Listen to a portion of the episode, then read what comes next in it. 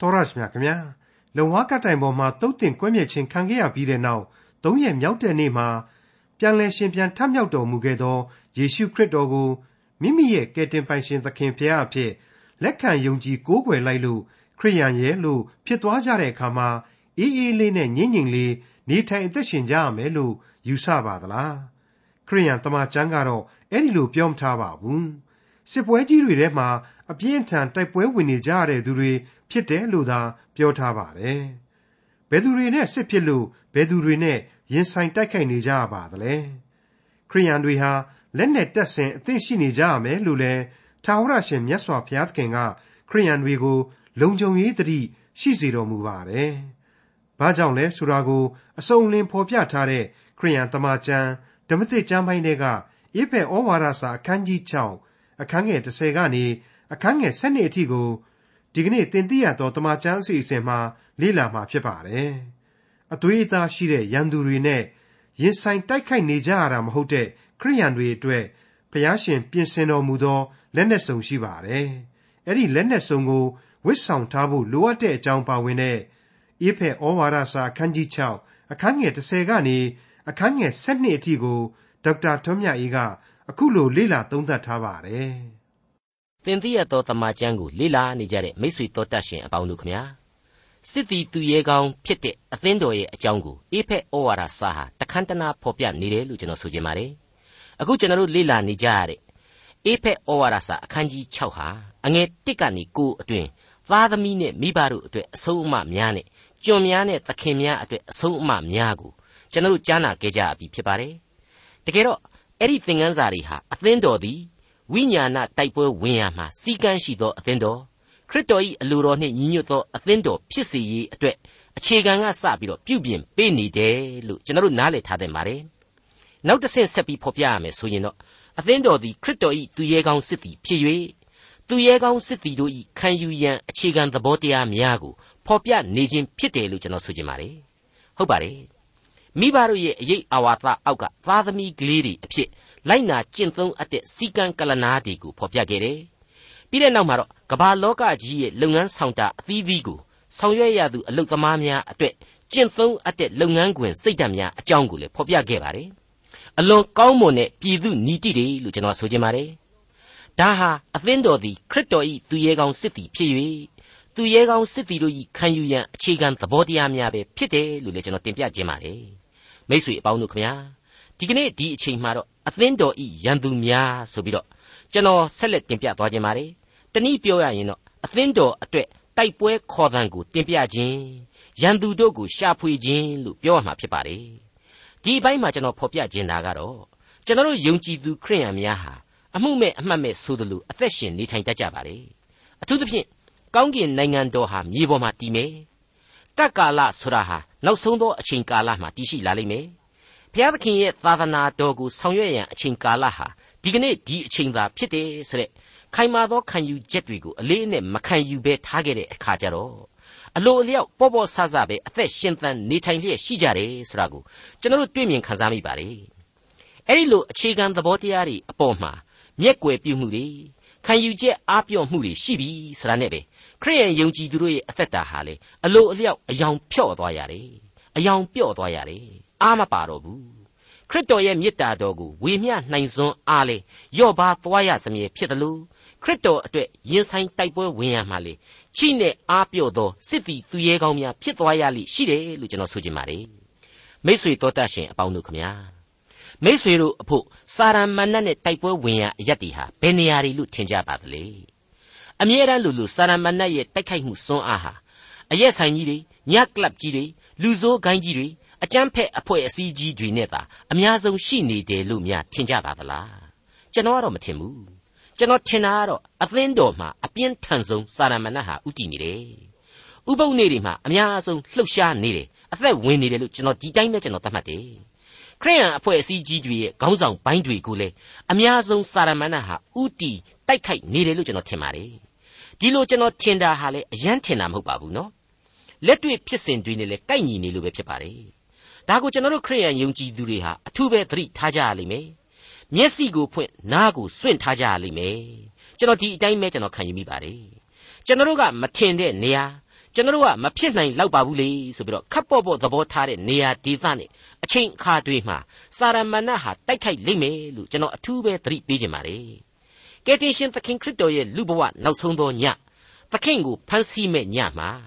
စာရမဏေဟာ ဘယ်မှာအများဆုံးဗဟုပြုနေခဲ့ပါသလဲဒါကိုပြန်ပြီးတော့စဉ်းစားသင့်လာပါတယ်အဲ့ဒီစာရမဏေအဲ့ဒီညအချိန်ကာလမှာအကာလညကြီးမှာကယ်တင်ရှင်သခင်ခရစ်တော်ရဲ့နောက်ဆုံးသောညမှာစာရမဏေဘယ်နေရာမှာဥတည်နေလဲဆိုတော့ပါရိရှဲတွေရဲ့လွှတ်တော်မှာမဟုတ်ပါဘူးစူဖြိုးနေတဲ့ဇာရုကဲတွေရဲ့ထမင်းဝိုင်းနဲ့အရက်ဝိုင်းကြီးတွေမှာလည်းမဟုတ်ခဲ့ပါဘူးယောမအာနာပိုင်တွေစီမှာလည်းမဟုတ်ခဲ့ပါဘူးယောမဘယင်ကန်စီမှာလည်းမဟုတ်ခဲ့ပါဘူးဟေရုတ်စီမှာလည်းမရှိခဲ့ပါဘူး အဲ့ဒီအဓိကရညကြီးမှာစာရမဏေအပြင်းအထန်ဗဟိုပြုတ်နေတဲ့နေရာကတော့ခရစ်တော်နဲ့သူ့ရဲ့တပည့်တော်တွေရဲ့ပတ္တခါပွဲကျင်းပရာယေရုရှလင်မြို့ကအထက်ခမ်းမကြီးထဲမှာပဲဖြစ်ခဲ့ပါတယ်ဒါတွေကိုဒီကနေ့ထိအောင်သာမြေပေါ်မှာအသက်ရှင်နေကြအောင်မယ်ဆိုရင်သက်သေခံနိုင်ကြအောင်မယ်ဆိုရင်ရှင်ပေတရုရှင်ယောဟန်စတဲ့တပည့်တော်ဒီနဲ့တကွသစ္စာဖောက်ခဲ့လေသူ ယူရရှကာယုတ်အပအဝင်အဲ့ဒီအချိန်အခါမှာအထက်ခမ်းမကလူတွေဟာကောင်းကောင်းကြီးပြန်ပြီးတော့ဝန်ခံသက်သေပြုကြလိမ့်မယ်အေကန်အမှန်ပဲလို့ကျွန်တော်ဆိုချင်ပါတယ်မိတ်ဆွေအပေါင်းတို့ခမညာအေဖက်ဩဝါဒစာရဲ့သင်ခန်းစာတွေဟာယောရှုမှတ်စာသင်ခန်းစာတွေနဲ့တွန်တွဲစဉ်းစားနိုင်တယ်ဆိုတာကိုကျွန်တော်ပြောခဲ့ဘူးပါတယ်တကယ်တော့ခါနန်ပြည်ဆိုတာဟာကောင်းကင်နိုင်ငံတော်လို့တင်စားတဲ့အခါပေါင်းများစွာရှိပါတယ်ဒါပေမဲ့အဲ့ဒီလိုကောင်းကင်နိုင်ငံတော်နဲ့ကြီးပဲနှိုင်းယှဉ်ဖို့မဟုတ်ဖ ೇನೆ ဖျားသခင်အထူးသတ်မှတ်သောယုံကြည်သူတို့ရဲ့လူဘဝဘုံဖြစ်တယ်လို့ကျွန်တော်ပို့ပြီးတော့ဆိုချင်ပါတယ်ခရစ်တော်ရဲ့သေခြင်းနဲ့ရှင်ပြန်ထမြောက်ခြင်းကိုကိုစားပြုတဲ့ယော်ဒန်မြစ်ကိုကူသန်းပြီးတော့မှဖျားသခင်ပေးတဲ့လောကလူဘုံအဖြစ်ခါနန်ကိုပမာပြုတင်တယ်လို့ကျွန်တော်ဆိုချင်ပါတယ်ဟုတ်ပါတယ်ယောရှုဟာဣသရေလတွေနဲ့အတူယော်ဒန်မြစ်ကိုကျေးဇူးတော်ကြောင့်ဖြတ်သန်းဝင်ရောက်ခဲ့ရတယ်ခါနန်ကိုရောက်တဲ့အခါကျတော့ဒူးကလေးနှံ့ပြီးနေနိုင်သလားဆိုတော့မနေနိုင်ခဲ့ရှာပါဘူး ဆက်လက်ပြီးတော့တိုက်ပွဲတွေဝင်ရသေးတယ်မဟုတ်ဘူးလားအောင်ပွဲတွေကိုသူဟာဆက်ပြီးယူခဲ့ရသေးတယ်ဆိုတာကိုကျွန်တော်တို့ဓမ္မသမိုင်းမှတ်စာတွေမှာထင်ရှားစွာတွေ့ရပါတယ်ယောရှုမှတ်စာမှာလည်းထင်ရှားစွာတွေ့ရပါတယ်အဲ့ဒီတိုင်းပါပဲခရစ်တော်ကိုယုံကြည်ခြင်းအပြင်ကောင်းကင်နိုင်ငံတော်အမွေခံတွေဖြစ်လာတယ်ထာဝရအသက်လမ်းပေါ်ကိုရောက်လာရတယ်ကျေးဇူးတော်ကိုခံစားရတယ်ဝိညာဉ်တော်နဲ့အတူလျှောက်သွားရတယ်ဒါပေမဲ့အဲ့ဒီဘဝသစ်လူပုံမှာလေစာရမဏတ်ကိုဆက်လက်ပြီးတော့ တိုက်ပွဲဝင်သွားကြရအောင်မှမလွဲဧကံဖြစ်ပါတယ်ယောရှုရဲ့ခါနန်ပြည်ဝင်မှတ်တမ်းတွေမှာအခြေခံအဖြစ်အချက်၃ချက်ကိုကျွန်တော်တို့လေ့လာတွေ့ရှိနိုင်ပါတယ်၁ယေရီခေါမြို့ကြီးကိုရင်ဆိုင်ခြင်းအကြောင်းကိုပြန်ပြီးစဉ်းစားနိုင်မယ်ဆိုရင်ယေရီခေါဆိုတာဟာကမ္ဘာလောကပါပဲကမ္ဘာလောကကိုကိုစားပြုထားတဲ့မြို့ပါပဲယောရှုဟာယေရီခေါကိုတိုက်ခိုက်เสียမလိုပါဘူးဖျားသခင်အလိုတော်အတိုင်းပတ်ချဝိုင်းပြီးတော့လမ်းလျှောက်ရင်းနေပဲ မြို့တိုင်းကြီးကိုဖြိုချပြီးတော့အောင်ပွဲခံခဲ့တယ်ဆိုပြီးတော့မှတ်တမ်းမှတ်ရရှိပါတယ်ဒီကနေ့ကျွန်တော်တို့ဟာယေရီခေါလို့ခေါ်တဲ့ဒီကဘာကြီးကိုရန်လုဖို့မလိုပါဘူးရန်သူလိုသဘောထားဖို့မလိုပါဘူးတိုက်ခိုက်ဖို့လည်းမလိုပါဘူးတစ်ချိန်တည်းမှာသူနဲ့မျောပါသွားပြီးတဲ့နောက်ခိရည်စည်းကြောင်းကြီးထဲမှာခြေလွတ်လက်လွတ်မျောပါသွားမှာမျိုးလည်းမဟုတ်ရပါဘူးခရစ်တော်ရဲ့လက်တော်ကိုမြဲမြံစွာဆွဲကိုင်းဖျားသခင်ပေါ်မှာအကျွင့်မဲ့ယုံကြည်ခြင်းနဲ့ ဖျားသခင်ရဲ့အလိုတော်ကိုလိုက်နာစောင့်ထိန်ရင်းနဲ့တန်ရှင်းသောဝိညာဉ်တော်နဲ့အတူဒီကမ္ဘာလောကကြီးကိုအောင်နိုင်သွားကြရမှာပါရှင်ယောဟန်ဩဝါဒစာပထမစာဆောင်အခန်းကြီး9အငယ်၄နဲ့9မှာဖျားသခင်၏သားဖြစ်သောသူမည်သည်ကလောကကိုအောင်တတ်၏လောကကိုအောင်ခြင်းအကြောင်းမူကားငါတို့၏ယုံကြည်ခြင်းပေ၏ယေရှုသည်ဖျားသခင်၏သားတော်ဖြစ်သည်ကိုယုံကြည်သောသူမှတပါအဘယ်သူသည်လောကကိုအောင်နိုင်သနည်းဆိုပြီးတော့မေခွန်းထုတ်ထားတာကိုတွေ့နိုင်ပါလိမ့်မယ် အဲ့ဒီလိုပါပဲအဲ့ဒီရှင်ယောဟန်ဩဝါဒစာပထမစာဆောင်အခန်းကြီး2အငယ်15မှာကျတော့ပြက်ပြက်သားသားအခုလိုဆိုထားပါတယ်လောက၌၎င်းလောက၌ရှိသောအရာတို့ကို၎င်းမချစ်ကြနှင့်လောကကိုချစ်သောသူမည်သည်ကခမည်းတော်ကိုချစ်ချင်းမေတ္တာမရှိတဲ့မရှိဘူးလားကျွန်တော်စောတော့ကယောရှုရဲ့ခါနန်ပြည်ဝင်မှတ်တမ်းတွေမှာအခြေခံအဖြစ်အချက်၃ချက်ကိုလေ့လာတွေ့ရှိနိုင်တဲ့အကြောင်းပြောခဲ့ပါတယ်နော် တစ်အချက်ဖြစ်တဲ့ယေရီခေါမြို့ကြီးကိုရင်ဆိုင်ခြင်းအကြောင်းကိုကျွန်တော်တင်ပြခဲ့ပြီးပါပြီနှစ်အချက်အဖြစ်နဲ့အာဣမြို့ကလေးကိုရင်ဆိုင်ခြင်းဆိုတာကိုဆက်လက်စဉ်းစားဖို့လိုပါလိမ့်မယ်အာဣဆိုတာဟာရှေးခေတ်မင်းတဘာဘာအုပ်ချုပ်ထားတဲ့မြို့ပြကလေးတစ်ခုပဲပေါ့မြို့ပြငယ်ငယ်ကလေးပေါ့သူ့ကိုတော့ယောရှုဟာအစပိုင်းမှာကိုဣသရေလတက်ကလူနည်းနည်းချင်းချင်းလေးလောက်ပဲလွှတ်ပြီးတော့အောင်ပွဲခံစီလိမ့်မယ်လို့ရည်မှန်းခဲ့တယ် ဒါပေမဲ့လက်တွေ့မှာအဲ့ဒီလိုပျော့ပြဲပြဲသွားပြီးရင်ဆိုင်လို့မရနိုင်ဘူးဆိုတဲ့မြို့ပြကလေးအဖြစ်အာဤဟာပေါ်ထွန်းလာခဲ့ပါတယ်နောက်ဆုံးမှာဘုရားသခင်ရဲ့အမိန့်တော်ကိုတိတိကျကျလိုက်နာပြီးတော့မှမြို့ကိုဖျက်ပြီးတော့အောင်ပွဲကိုခံနိုင်ခဲ့တယ်ဆိုတာကိုကျွန်တော်ယောရှုမှတ်စာမှာမှတ်တမ်းမှတ်ရနဲ့တွေ့နိုင်ပါတယ်ကြောက်ခမန်းလိလိဖြစ်နေပြီမဟုတ်ဘူးလားဒါတနည်းအားဖြင့်အသွေးအသားရမဲ့များဆိုတဲ့ရန်သူကိုရင်ဆိုင်ရခြင်းနဲ့သဘောအတူတူပဲတထက်သေးပဲဖြစ်တယ် ယောရှုမှတ်စာအခန်းကြီး9အငယ်30နဲ့17မှာပြန်ကြည့်လိုက်မယ်ဆိုရင်ထာဝရဘုရားကလည်းထလောအဘယ်ကြောင့်ဝွတ်၍နေသနည်းဣသရေလအမျိုးသည်ပြစ်မှားပြီးငါမှားထားသောဗြိညင်တရားကိုဖျက်လေပြီကျိန်အပ်သောအရာကိုခိုးယူ၍ပရိယေပြုသဖြင့်မိမိဥစ္စာထဲမှာထားလိပြီတဲ့ဒါဟာအာဣစစ်ပွဲမှာစစ်ရှုံးရခြင်းနဲ့ပတ်သက်လို့ဘုရားသခင်ဖော်ပြတဲ့အချက်ဖြစ်ပါတယ်အဲ့ဒီလိုပါပဲအငယ်73မှဆက်ပြီးကြည့်လိုက်မယ်ဆိုရင်တော့ထ၍ လူများကိုတန်ရှင်းစေလော့နက်ဖြန်အဖို့ကိုကိုကိုတန်ရှင်းစေကြဟုဆင့်ဆိုလော့ဣသရေလအမျိုး၏ဘုရားသခင်ထာဝရဘုရားမိန့်တော်မူသည်ကားအိုဣသရေလအမျိုးကျိန်အပ်သောအရာသည်သင်တို့အထက်၌ရှိ၏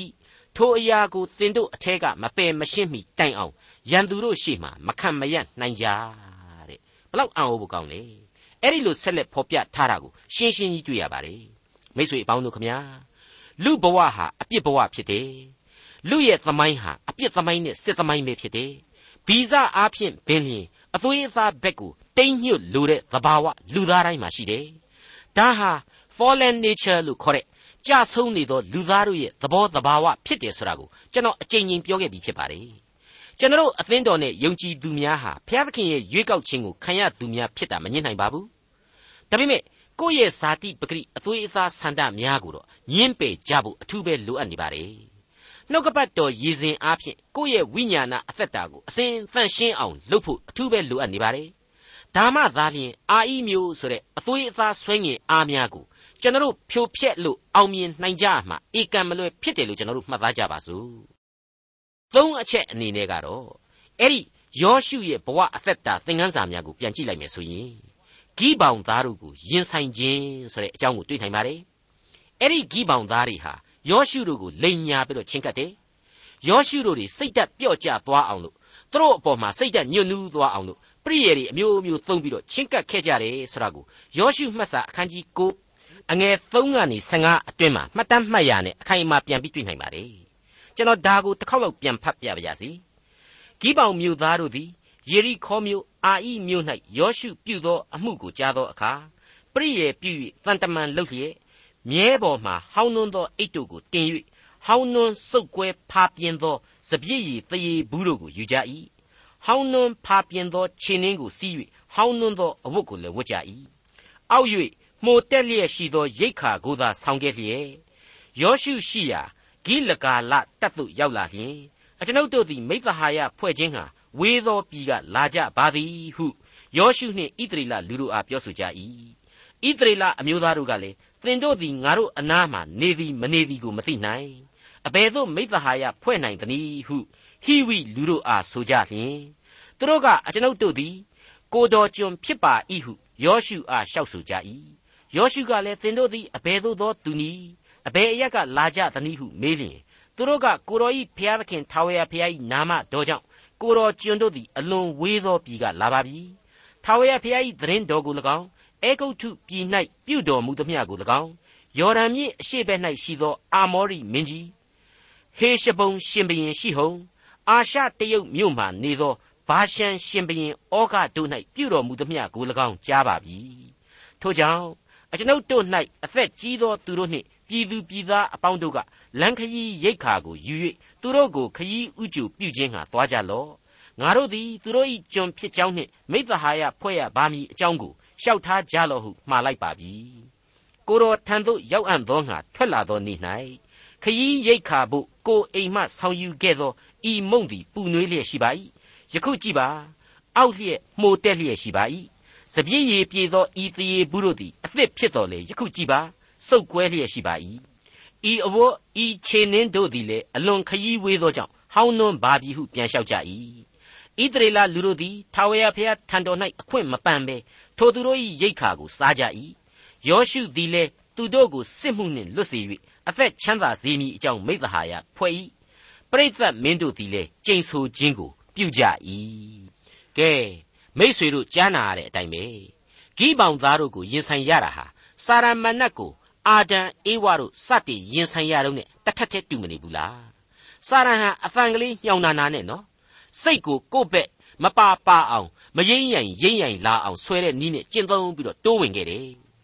ဒါဟာအာရန်အေဝါတို့ကဒီအတိုင်းကြုံခဲ့ရတယ်လို့ယောရှုကြုံခဲ့ရတယ်ဒီကနေ့ဒီအချိန်မှလေကျွန်တော်တို့ဒီအတိုင်းပဲကြုံဖြစ်နေရပါတယ်ဒါနဲ့ပတ်သက်ပြီးတော့ကောရိန္သုဩဝါဒစာဒုတိယစာဆောင်အခန်းကြီး7အငယ်73ကနေ15အတွင်းမှာကြည့်လိုက်မယ်ဆိုရင်အကြောင်းမူကားထိုသူတို့သည်မိစ္ဆာတမန်တော်ဖြစ်ကြ၏ခရစ်တော်ဤတမန်ဖြစ်အောင်ဆောင်၍လှည့်ပြားတတ်သောအမှုဆောင်ဖြစ်ကြ၏ ဤအမှုသည်အံ့ဩပွေဖြစ်သည်မဟုတ်စာရန်ပင်လျင်လင်းသောကောင်းကင်တမန်ဖြစ်အောင်ဆောင်တတ်၏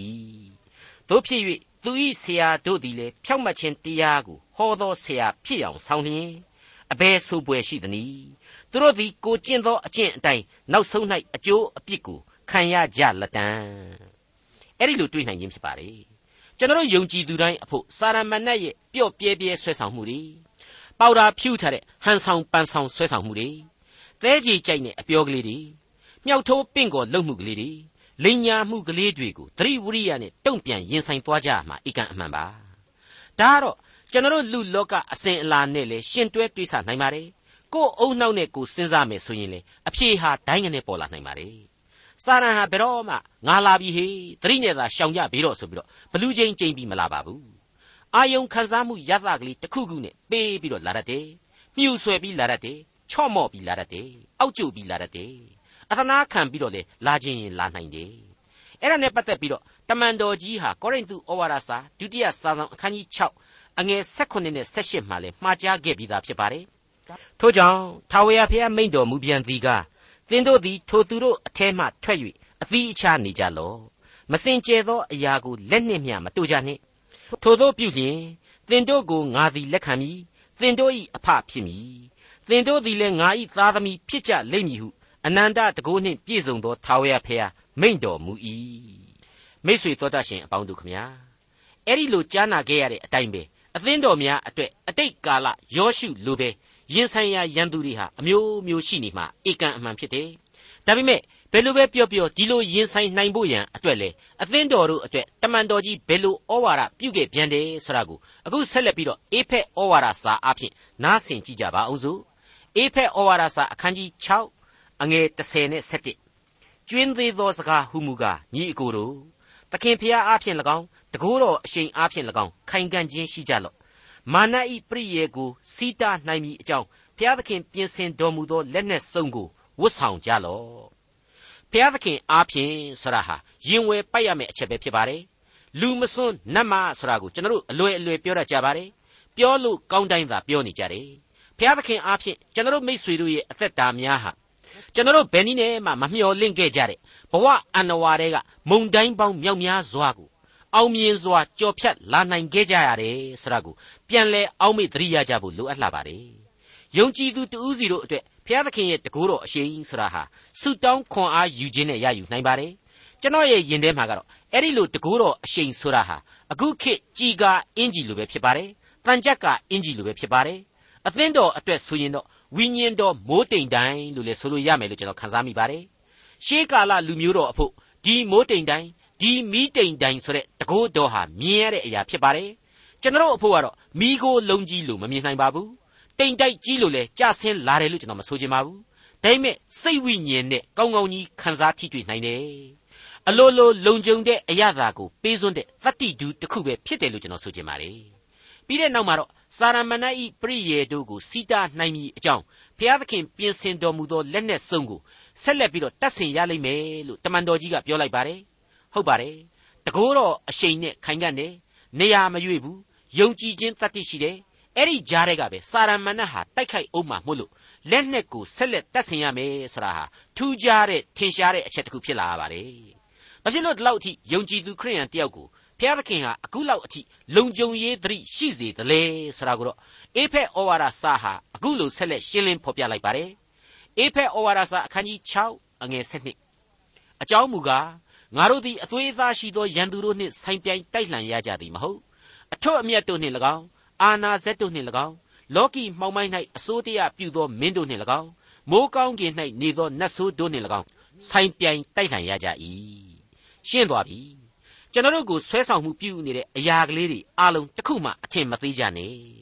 နောက်ဖက်မှာအသွေးအသားမဟုတ်တဲ့ရန်သူပါလာတယ်တဲ့အဲ့ဒါဟာစာရမဏတ်ကိုဖော်ပြလိုက်တာပါပဲ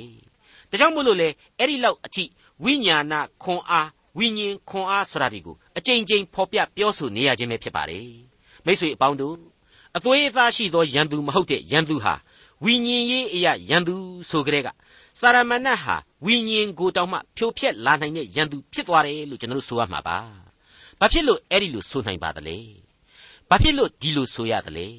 ယုံကြည်ခြင်းရှိပြီဆိုရင်မလုံလောက်သေးဘူးလားဆိုတာတွေကမေးစရာပေါ်လာပါတယ်ကျွန်တော်တို့တွေဟာအတော်ကြီးဝိညာဉ်ရေးအဆင့်မြင့်သွားတဲ့ကဲတင်ခြင်းခံရပြီးသူအသက်လမ်းပေါ်ကိုသေသေးချာရောက်နေရတဲ့လူဝိညာဉ်တော်ဤတစိ့ခနှိတ်ခံရပြီးသောသူတို့ရဲ့အဆင့်အတန်းမှာရောက်နေသူ စသည်စသည်ဖြင့်အဆင့်မြင့်ဝိညာဏလူသားတွေဖြစ်နေပြီဆိုတာကိုပေါလုကသိစေလိုက်တယ်လို့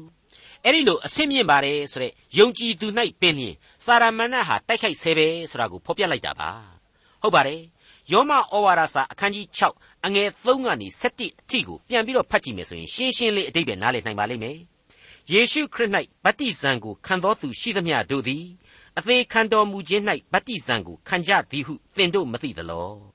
ထို့ကြောင့်အသေးခံတော်မူခြင်း၌ဗတ္တိဇံကိုခံသောအဖြစ်ထိုသခင်နှင့်အတူသင်ကြိုခြင်းကိုခံကြ၏အကြောင်းမူကားခရစ်တော်သည်ခမည်းတော်၏ဘုန်းတော်အဖြစ်သေခြင်းမှထမြောက်တော်မူသည်နိတူငါတို့သည်လည်းအသစ်သောအသက်၌ကျင်လည်ရကြသည်တနည်းကအသေးခံတော်မူခြင်း၏ပုံတရံကိုဆောင်၍ထိုသခင်နှင့်အတူငါတို့သည်စိုက်ပျိုးလျက်ရှိသည်မှန်လျင်ထမြောက်တော်မူခြင်း၏ပုံတရံကိုဆောင်၍စိုက်ပျိုးလျက်ရှိကြလိမ့်မည်ထိုမှတပါငါတို့၏လူဟောင်းသည်ထိုသခင်နှင့်အတူ လက်ဝါးကတ်တိုင်မှအသေးသက်ခြင်းကိုခံပြီးဟုငါတို့သိကြ၏အကြောင်းမူကားငါတို့သည်နောက်မှအပြစ်တရား၏အစေကိုမခံစေခြင်းဟာအပြစ်တရား၏ကိုယ်ကိုဖျက်ဆီးမိအကြောင်းသေသောသူသည်အပြစ်တရား၏လက်မှလွတ်လျက်ရှိ၏ခရစ်တော်သည်သေခြင်းမှထမြောက်တော်မူသောအခါသေခြင်းနှင့်အစဉ်ကင်းလွတ်တော်မူ၏သေခြင်းတရားသည်နောက်တဖန်ကိုတော်ကိုမအုပ်ဆိုးရသည်ကိုထောက်သောငါတို့သည်ခရစ်တော်နှင့်အတူသေလျင်ထိုသခင်နှင့်အတူရှင်လိမ့်မည်ဟုသဘောရှိကြ၏ ခရစ်တော်သည်အသေးခံတော်မူရာမှာအပြစ်တရားကြောင့်တကြိမ်သာခံတော်မူ၏အသက်ရှင်တော်မူရာမှာဖျားသခင်အဖို့ရှင်တော်မူ၏ထိုနည်းတူသင်တို့သည်အပြစ်တရားနှင့်ဆိုင်သောအရာ၌ကအသေးဖြစ်သည်ဟု၍၎င်းဖျားသခင်နှင့်ဆိုင်သောအရာ၌ကငါတို့သခင်ယေရှုခရစ်အားဖြင့်အသက်ရှင်သည်ဟု၍၎င်းကိုကိုကိုထင်မှတ်ကြလော့ခရိယန်ဖြစ်ပြီးခရစ်တော်ကိုယုံကြည်ပြီးဗတ္တိဇံကိုခံယူပြီးပြီး ကယ်တင်ခြင်းကျေးဇူးတော်ကိုခံရပါပြီဆိုတဲ့လူသားတနည်းဆိုရရင်တော့ခရစ်တော်၌အသက်သောအသက်တာကိုရရှိပြီးခံစားရရှိပြီးဆိုရမယ်အချိန်စာရမဏေဟာနှောက်ယှက်နိုင်သေးတယ်ဆိုတာကိုအေဖက်ဩဝါဒစာဟာသတိပေးလိုက်ပါတယ်တနည်းဆိုရမယ်ဆိုရင်လေယောမဩဝါဒစာအရာအဆင့်မြင့်ပြီးသားဝိညာဏလူသားဆိုပြီးတော့ကိုကိုကိုအယံအထင်မကြီးနဲ့မသေးမချင်းစာရမဏေရဲ့နှောက်ယှက်ခြင်းကိုခံရနိုင်တယ်ဆိုတာကိုအခုအေဖက်ဩဝါဒစာဟာပြတ်သားစွာဖော်ပြလိုက်ခြင်းနဲ့အတူတူပဲဖြစ်ပါတယ် အဲ့ဒီလိုဝိညာဏလူသားကြီးတယောက်ရဲ့အဆင့်မှာစာရမဏေနှောက်ယှက်တာကိုခံခဲ့ရသူကတော့ဒံယေလပဲဖြစ်ပါတယ်ဒါကိုဒံယေလအနာဂတိကျမ်းနဲ့ကျွန်တော်ကိုးကားဖော်ပြခြင်းပါတယ်ဒံယေလဟာဘုရားသခင်ယူပါယုံကိုခန်းစားရယူပြီးတဲ့နောက်21ရက်တိုင်တိုင်ဥပုသ်ဆောင်နေခွန်အားယူခဲ့တယ်ဆိုတာကိုဒံယေလအနာဂတိကျမ်းအခန်းကြီး30အငယ်1ကနေ3အတွင်းမှာအခုလိုကျွန်တော်တို့တွေ့နိုင်ပါလိမ့်မယ်ပေရတိရှင်ဘရင်ကုရုနန်းဆန်3နှစ်တွင် ဘာလတရှာဇာအမည်ဖြင့်သမုတ်သောဒံယေလသည်ဗျာဒိတ်တော်ကိုခံရ၏ထိုဗျာဒိတ်တော်စကားမှန်ပေ၏ကြီးစွာသောစစ်တိုက်ခြင်းနှင့်ဆိုင်ပေ၏သူသည်ထိုစကားကိုနားလေ၏မြင်ရသောယူပါယုံသဘောကိုလည်းရိပ်မိ၏ထိုကာလ၌ငါဒံယေလသည်အရက်21ရက်တိုင်တိုင်ချိုးချံစွာကျင့်လျက်နေ၏အရက်21ရက်နေ့မစိတ်မီမိန်သောမုံကိုမစားအမဲသားနှင့်စပြည့်ရီကိုမမီစီလိမ့်ခြင်းကိုလည်းအရှင်းမပြုတဲ့ အဲ့ဒီလိုဒံယေလကဥပုပ်သုံးပတ်စောင့်တာဟာအကျိုးအပြည့်အဝခံစားရသလားဆိုတော့မရပါဘူးအငယ်၈မှ၁၁အထိအခုလိုကျွန်တော်တို့ဆက်ပြီးကြည့်နိုင်ပါတယ်ငါမူကားတယောက်တည်းနေရ၍ထိုကြီးစွာသောယူပါယုံကိုမြင်ရလျင်ခွန်အားရော့၍မျက်နှာပြက်လျက်ကို၌အစွန်းတတ္တိအရှင်းမရှိဖြစ်လေ၏တို့ရတွင် ထိုသူ၏စကားသံကိုငါကြား၏ကြားသောအခါမြေပေါ်မှပြတ်ဝတ်၍မိန်မောတွေ့ဝေလျက်နေ၏ထိုအခါ လက်တစ်ဖက်သည်ငါ့ကိုကြွ၍ငါသည်ဒူးနှင့်လက်ဝါးဖြင့်ထောက်လျက်နေရ၏သူကလည်းအလွန်ချစ်အပ်သောသူဒံယေလငါစကားကိုနားထောင်အံ့သောငါမတ်တက်နေလောသင်ရှိရာသို့ငါကိုစေလွှတ်တော်မူ၍ယခုငါလာပြီဟုဆိုလျင်ငါသည်တုန်လှုပ်လျက်မတ်တက်နေလေ၏တနည်းအားဖြင့်ဆိုရင်တော့အဲ့ဒီလောက်ကြီးဥပုပ်သီလနဲ့ပြည့်စုံနေတဲ့ပရောဖက်ကြီးနော်ကောင်းကင်တမန်ကဆင်းသက်ပြီးတော့အားပေးယူရတယ်တဲ့ ရှင်းပြရတယ်တဲ့တနည်းအားဖြင့်အဲ့ဒီ21ရက်သောဥပုပ်ကာလအတွင်းမှာပဲစာရမဏတ်ဘာတွေလုပ်ခဲ့သလဲဆိုတာကိုကောင်းကင်တမန်ကနေဖော်ပြပေးရခြင်းပဲဖြစ်ပါတယ်အငယ်73ပေရသိနိုင်ငံကိုအစိုးရသောမင်းမူကားအရက်21ရက်ပတ်လုံးငါကိုစီတာ၏နောက်တစ်ခါအမျက်ဆုံးသောမင်းစုတဲကမိခေလာသည်ငါကိုအကူလာ၍ငါသည်လည်းထိုအရက်၌ပေရသိမင်းကြီးတို့ထံမှဆိုင်းလင်း၍နေရ၏ ရှင်းနေပါပြီနော်စာရမဏတ်ဟာလောကီမင်းနဲ့ပေါင်းဖက်တယ်ဖျားသခင်ရဲ့ဝိညာဉ်တော်ကိုတိုက်ခိုက်တယ်သူနီးသူဟန်သူ့အကြံအဖန်နဲ့ဖြက်လို့ဖြက်စီလုပ်တတ်တယ်သူ့မှာလဲတကိုးသတ္တိတွေသူ့အတိုင်းအတာနဲ့သူရှိတယ်ဆိုတာဒီကိုရှင်းရှင်းကြီးကျွန်တော်တို့တွေ့နိုင်ပါတယ်မိษွေတော်တတ်ရှင်အပေါင်းတို့ခမညာအေဖက်အသင်းတော်ကိုဩဝါဒပြုနေတဲ့တမန်တော်ကြီးရှင်ပေါလုရဲ့စကားသံတွေဆုံးမဩဝါဒပြုသံတွေဟာကျွန်တော်တို့ဒီကနေ့ယုံကြည်သူအသင်းတော်အသင်းတော်အဖွဲ့အစည်းများနဲ့တကွ ကျွန်တော်တို့ယုံကြည်သူတဦးချင်းနဲ့မိမိတို့ရဲ့အိမ်တောင်စုဝင်မိသားစုများအားလုံးကိုပါသတိပေးလျက်ရှိနေတယ်လို့ကျွန်တော်တို့ခံယူကြပါစို့ကျွင်းသေးသောစကားဟူမူကားညီအကိုတို့သခင်ဖျားအားဖြင့်၎င်းတကိုးတော်အရှိန်အားဖြင့်၎င်းခိုင်ခံ့ခြင်းရှိကြလော့မာနဤပရိယေတို့ကိုစီတာနိုင်မည်အကြောင်းဖျားသခင်ပြင်ဆင်တော်မူသောလက်နှင့်စုံကိုဝတ်ဆောင်ကြလော့ အကြောင်းမူကားငါတို့သည်အသွေးအသားရှိသောရန်သူတို့နှင့်ဆိုင်ပြိုင်တိုက်လှန်ရကြသည်မဟုတ်အထွတ်အမြတ်တို့နှင့်၎င်းအာနာစက်တို့နှင့်၎င်းလောကီမှောင်မိုက်၌အစိုးတရားပြုလုပ်သောမင်းတို့နှင့်၎င်းမိုးကောင်းကင်၌နေသောနတ်ဆိုးတို့နှင့်၎င်းဆိုင်ပြိုင်တိုက်လှန်ရကြ၏ဒေါက်တာထွန်းမြတ်ရေးစီစဉ်တင်ဆက်တဲ့တင်ပြတော်တမချန်းအစီအစဉ်ဖြစ်ပါတယ်နောက်တစ်ချိန်အစီအစဉ်မှာခရိယန်တမချန်းဓမ္မတိကျမ်းပိုင်းတွေကအိဖက်ဩဝါဒစာအခန်းကြီး6 အခန်းငယ်73ကနေအခန်းငယ်78အထိကို လေ့လာမှဖြစ်တဲ့အတွက်စောင့်မျှော်နားဆင်နိုင်ပါတယ်။